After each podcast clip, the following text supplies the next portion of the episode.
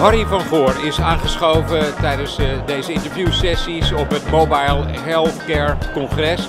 Uh, en hij gaat een probleem oplossen dat uh, vanochtend ontstond in een gesprek met minister Kuipers. Ehm, Harry, je zult misschien hebben gehoord of gezien dat Kuipers op een gegeven moment van doktoren te horen kreeg in een ziekenhuis. Zie hier de foto van de hersens van jouw vader. Daar zit een tumor. Ga jij het hem even vertellen? En ik vroeg aan Kuipers uh, of hij zich ooit verstaan had met de artsen die hem die opdracht gaven. Dat bleek niet echt het geval.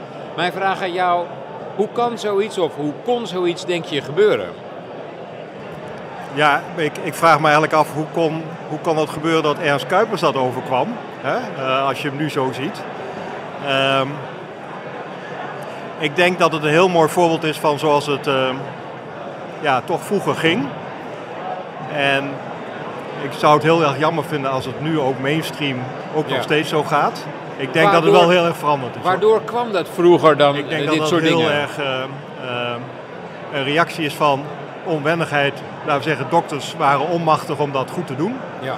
En die namen nu de kunstgreep van, dachten van de zoon, die zit ook in het medisch vak, dus die kan het maar mooi uh, uitleggen. Ja. En ik denk dat ze met goede bedoeling wel dacht van, die kan het gewoon misschien wel goed, ook, ja. ook qua de emotie eromheen en de context eromheen uitleggen. Ik denk dat het met goede bedoelingen was, maar het is echt totaal, kan ja. het natuurlijk Ik twijfel niet aan die intenties, ja. laat dat uh, duidelijk zijn, maar het illustreert enorm hè, van hoe ver we zijn gekomen als het gaat om uh, het geestelijke aspect, hè, de omgang met patiënten en met intimie van patiënten. Maar we zijn natuurlijk ook enorm ver gekomen, van ontzettend ver gekomen als het gaat om de digitaliteit. Hè? Uh, ga eens even met mij terug naar die periode van een kwart eeuw geleden. Hoe zag het er toen eigenlijk uit? Ja, nou, um, uh, dat is wel, wel grappig. Ik kom ook uit die tijd dat ik met uh, geschreven statussen en ehm, dat je op zoek ging naar je collega-specialist. En dan ehm, zocht je naar een status om de dat de archief. Toen hadden we nog archief, Bladeren. archiefjongens. Ja. Die moesten de status uh, voor je polykliniek klaarleggen. Waar meestal jongens. Uh, en die kon het dan niet vinden. En dan ging je zelf maar op weg naar waarvan je dacht, daar ligt de status. Ja. Uh, we hadden voor elke discipline had zijn eigen status. Ik kan me nog herinneren dat wij ehm, geel hadden. In Groningen was dat geel voor mannen en groen voor vrouwen. Dus het, dat was de enige waar je nog hou kon van hou vast, wat Ja. je, of, dat je de goede status uit elkaar pakte. En ehm, ik kan ook nog herinneren dat de eerste keer dat we als het ware een elektronische verslaglegging deden, ehm, was een heel mooi systeem. Dat was in het Radboud, waarbij het systeem was ontwikkeld door een intensive care dokter.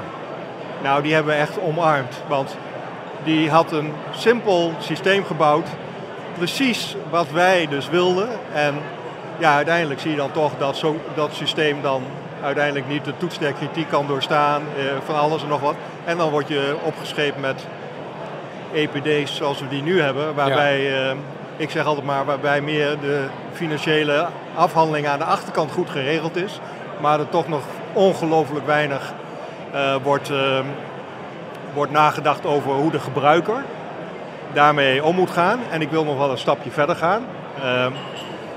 Uh, het als, ik, ik drijf een aantal innovatieprojecten. Als iemand dan tegen mij zegt, uh, als eerste vraag, en kan het communiceren of kan het vanuit, in dit geval Epic, dan zeg ik, ik ben klaar. Want? Dat is, dat is een vraag die, als je daarop ingaat, brengt het je een jaar verderop. En, uh, en het is helemaal geen relevante vraag, want uh, mensen met wie ik zaken doe, als het gaat om ook private partners, over innovatieve zaken die gaan over digitale gegevensuitwisseling, die weten al lang dat ze het goed moeten regelen, aan, maar vooral aan de achterkant dat ze het moeten regelen, dat het kan communiceren met andere systemen. Ja. Overigens dat gezegd hebbende, uh, als ik nou wat doordenk over termen als mijn CWZ, mijn Radboud, mijn UMC, dan denk ik, dit slaat toch helemaal nergens op. Een huisarts moet inloggen op mijn Radboud, dat is helemaal zijn Radboud niet, om te kunnen communiceren. Ik vind het een soort van arrogantie vanuit ziekenhuizen dat zo'n tijdstipje in het leven van de patiënt, dat dat dan wordt gelabeld als mijn ziekenhuis. Ja. Daar mag je op in. Wij moeten allemaal inloggen op een systeem in de cloud. En dat is niet de patiënt centraal, dat zijn de behoeften en de wensen van de patiënt centraal. En de patiënt zit gewoon om ons heen in de cirkel. En het heeft evenveel moeite of makkelijkheid om in, het, in zijn behoeften en wensen te komen en mee te denken als elke hulpverlener. En ik begrijp niet, ja waarschijnlijk zie ik een heleboel dingen over het hoofd, maar ik begrijp niet dat wij niet gewoon zeggen van, we hebben een systeem in de cloud. Eh, het dossier van de patiënt, heb ik het niet over PGO, hè, want er worden allerlei dingen van communiceren, dit soort dingen. Nee, gewoon. En ik ga gewoon in dat systeem. Dat ik dan in mijn andere scherm op de monitor Epic nog heb, waar ook nog hele andere gegevens staan van die Zo patiënt. wel. Prima. Ja. Ja. Nou ben je eh, hoogleraar eh, chirurgieonderwijs. Hè? Eh, ik, ik hoor een zekere pissigheid doorklinken over de ontwikkelingen. Ja. Mag ik het zo formuleren? Nou, ehm, Of verdrietigheid? ja, pissigheid niet. Ik, eh, ik vind wel dat er heel veel, eh, als het ware, ook over... Kijk, ik ben wel hoogleraar chirurgieonderwijs, maar ik moet zeggen wel dat ik de laatste 7, 8 jaar heel veel met eigenlijk digitale technologische innovatieprojecten bezig ben. En dan, ehm, omdat je zo ook met die zorg verknocht bent, ehm, ja, praat je veel met zorgmedewerkers, maar ook met patiënten. En je kent natuurlijk ook zelf, eh, weet je ook van uit de patiëntenzorg heel veel. En dan denk ik ook bij mezelf van, waarom doen we het nou altijd zo, zo moeilijk als het toch het, het makkelijkheid voor het begrijpen ligt? En waarom beginnen we altijd met de verkeerde dingen, maar allemaal praten over hoe het zou moeten? Onze ervaring is in de innovatie, ik zeg ook altijd, ga experimenteren. Ga niet denken dat je het weet met elkaar. Nee. Ga experimenteren. Ga goed observeren. En dan zie je vanzelf, hoor je, krijg je te horen van eh, hoe je het moet tweaken. Dus eh, ik noem dat eigenlijk maar van iemand van Gartner heb ik dat geleerd. Lerend voorwaarts. Ga niet te veel praten erover, want de, de werkelijkheid is toch weer barst. Ja. Ga observeren en leren van het experimenteren. Ja. Nou had ik hier eh, eerder eh, vandaag aan tafel eh, een eh, hoogleraar innovatie, eh, en Floortje Schepers. Ja. Ehm, en, en zij zei, ja, dat is inderdaad de route. Jan en Alleman moet aan de slag en onderweg zo goed mogelijk communiceren over wat je aan het ontwikkelen bent. Betekent wel, zei ze, dat we nog een paar jaar met elkaar aan het klooien zullen zijn. Voordat dat met name regionaal goed op elkaar is afgestemd. Ben jij ook zo somber? Dat het nog wel drie tot vijf jaar duurt voordat we de boel op orde hebben? Nou, kijk, het ligt eraan eh, of je praat over eh, hele grote regionale dingen of dat je, daar kan ik het wel een beetje met haar eens zijn, maar ik, ik, ik, ik hou me maar meer op van, eh, je moet groot dromen, maar je moet wel gewoon kleine stapjes beginnen. Ja. En het probleem wat mij betreft in de innovatie is vaak, we praten er heel veel over, maar we beginnen te weinig. Dat is ook waar ik net het ook over had, over dat experimenteren. Als je nu zegt, als je zegt van we zijn in coronatijd begonnen met een virtual reality loket, we noemen het VR to go. En dat hebben we zowel in het ziekenhuis als thuis. En eh, nu zijn we anderhalf jaar verder en we hebben een hele beweging op gang gebracht. En, ehm, en ja, natuurlijk. Maar eigenlijk met dank aan corona. met dank aan corona. Maar, eh, maar ja, precies, met Want als dat zich niet had afgetekend, zouden die ontwikkelingen een stuk minder snel zijn gegaan. Ja, dat, eh, dat, dat, dat is ook zo. En ehm, ehm, eh, wat, je, wat je nu ook moet zien is, en dat daar ben ik wel blij om, ook nu na corona, als je daarvan mag spreken, maar in ieder geval... eh, eh, Een soort van na soort van corona. na corona. ehm, houden we het wel vast. En dat is wel iets wat, je, wat, wat mensen zich een beetje in het oor moeten knopen van... Hebben we nou echt geleerd de goede dingen van corona, zonder al die emotie van corona erbij... En pikken we daar nou die dingen uit waarvan we zeggen van... eh, dit is in algemene termen moeten wij dat doorzetten. Bijvoorbeeld, eh, we hebben in corona hebben wij een hospital-to-home service voor virtual reality. Echt toolkit voor de deur. Dus, hè, precies wat je op de reclame ook ziet. Deur gaat open, wij stap achteruit. Kom Ik leg u straks wel uit, Ja. eh, video, consult, et et cetera. En dat, doen we, dat zien we dus nu ook nog als een heel ideaal model. Maar dan gaan wij het niet meer doen met een autootje. Maar dan doet de fietscourier het. Hè, om eens maar eh, iemand te noemen. Maar dat model van service aan huis. eh zeggen tegen de patiënt, u kan 24 keer 7 hebt u eh, service en support. Op afstand weliswaar. Ja. En ik zeg altijd maar, laten we het meer doen op afstand. Virtueel, virtueel connected. Maar probeer het zodanig in te richten dat het voelbaar dichtbij is. En Ja. voelbaar verbonden. En dat kan echt. Dat kan echt. Wanneer heb jij in jouw persoonlijke, schuine streep professionele situatie eh, recentelijk echt iets gehad aan die toenemende digitalisering? Dat je merkte, hé, hey, goh, er zitten daadwerkelijk voordelen aan. Nou ja, ik heb een heel, eh, heel eh, persoonlijk verhaal voordeel daaraan. Ik, ik heb twee jaar geleden een nieuwe heup gekregen. En ehm, ik heb me toen helemaal voorbereid ehm, om dus... eh, ik wilde eigenlijk dat ondergaan zonder eh pij- opioïde pijnstilling, dus morfine pijnstilling. Wat vrij raar is. Ja. Hè? De meeste mensen krijgen opioïde eh, Waarom wilde morfine. je dat overigens? Nou, ik, ik, ik, eh, ik zat natuurlijk in die virtual reality pijn en dat Ja. soort dingen. eh, dat is non-farmacologische methode, zoals we dat noemen, om pijn te bestrijden. Ik dacht, eh Kijk practice what you preach. Ja, en dat gaan we doen. Eh, de dag voor de ingreep eh, was ik de VR-bril aan het testen. Deed hij niet. Later bleek het gewoon eh batterij... Snoertje, nee, ik had de batterij vervangen, maar het bleken al lege batterijen te zijn. Zo dom kan het zijn. Maar toen heb ik tijdens de ingreep ehm, had ik mijn telefoon niet uitgezet. Dat was onder regionaal. En toen ehm, kreeg ik allerlei WhatsApps binnen. Van Harry, je al, wanneer word je geopereerd, et cetera. Toen heb ik dus, en ik kreeg nu NL pushberichten. Ja, En dat was net na iets eh heel... files ergens of ja, wat dan nou ook. ja, het was iets belangrijker, Ja. ik geloof ik. Er was iets gebeurd in de wereld. Ik was dus met, vervolgens met mijn vrouw aan het whatsappen. Video whatsappen. Tijdens de... Tijdens de ingreep. En toen zei ik tegen eh, de anesthesiemedewerker, zei, weet je, geef mij maar niet, eh, dat heet propofol, de witte motor. Ik zei, dat wil ik niet hebben. Daar word je een beetje... Woozy van. Doezie van. Ik heb ik, eh, een beetje schudden en trekken was het wel. Ehm, en toen, ehm, maar het is prima doorgekomen. Ik heb totaal afgeleid. En toen tijdens eh, de terugkomst heb ik dus inderdaad geen morfine gekregen, maar heb ik allerlei trucjes gebruikt, zoals eh, eh, geluid, muziek, wat je eh, muziek pijn als medicijn, Ja. Ja. afleiding, eh, dat soort zaken. Ja, en dan, en dan eh, lukt dat. Dus dat is ook, zat natuurlijk in ons RV, ons Healing Environment programma. ja. Maar het werkt echt. En, en ehm, Je, je zegt dat met een zekere ver- verbazing nog steeds. nou, het- ik zeg het met verbazing omdat, omdat het... Je krijgt zo vaak te horen als je bezig met dit soort dingen bezig bent van... Ja, skepsis. Ja. Ondervind het eerst zelf maar eens aan de lijve. Ja, al die mensen die roepen van, eh, eh, zeker in die academische wereld... Waar is het bewijs? Ja. Is het kosteneffectief? Ehm, en dan moet ik ook zeggen, en dat is al een ander voorbeeld.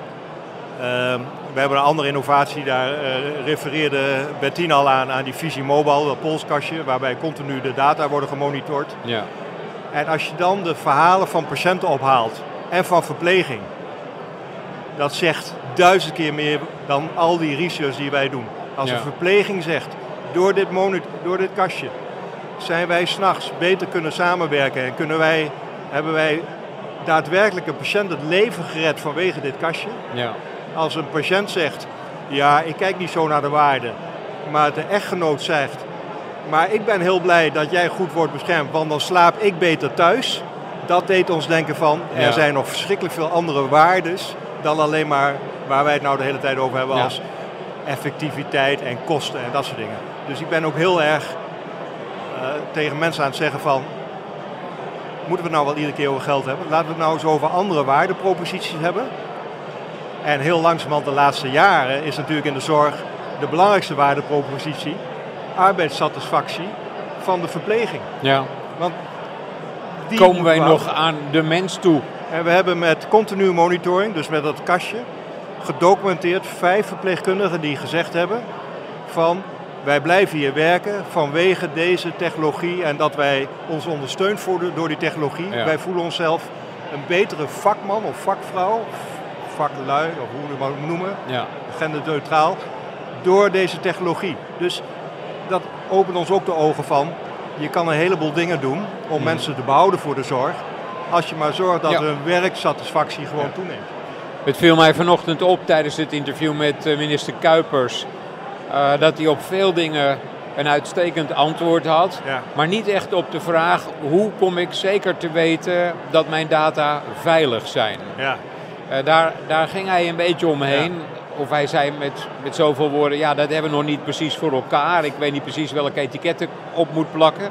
Welk etiket moet ik erop plakken?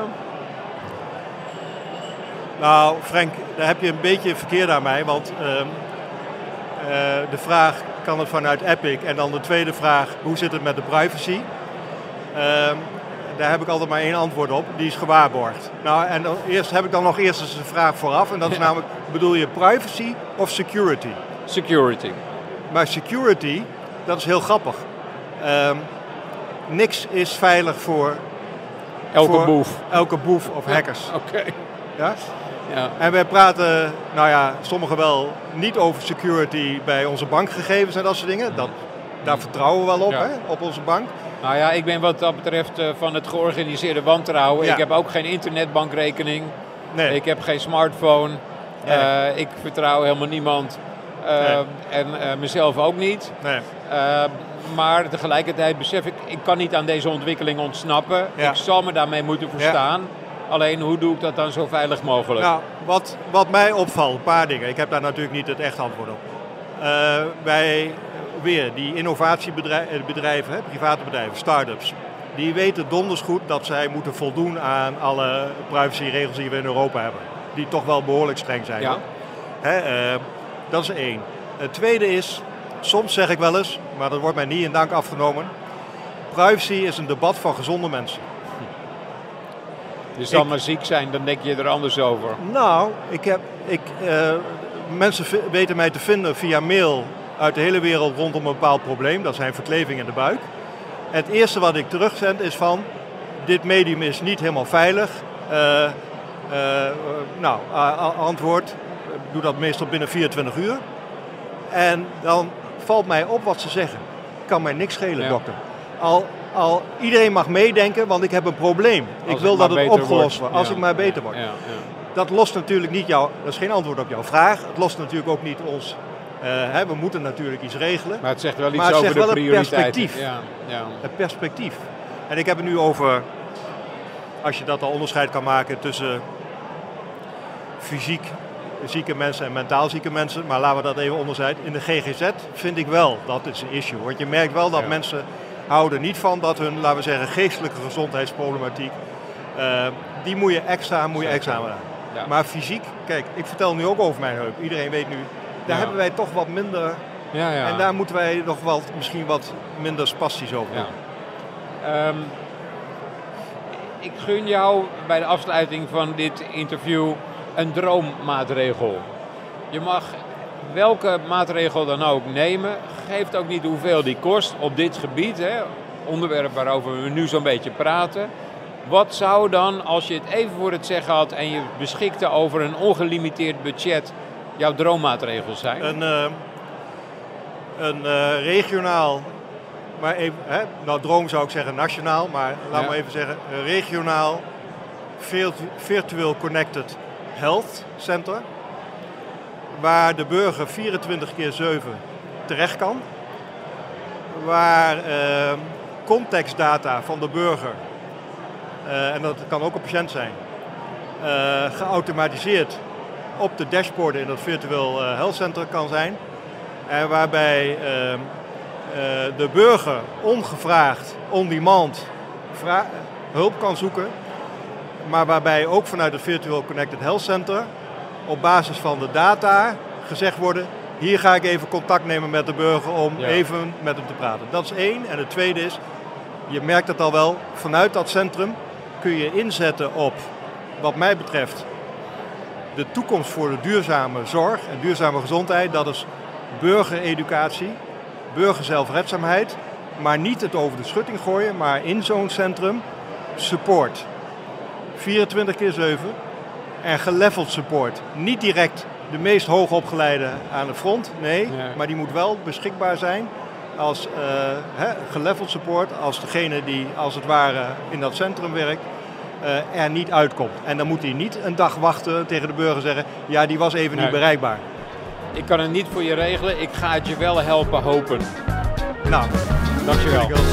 Dankjewel.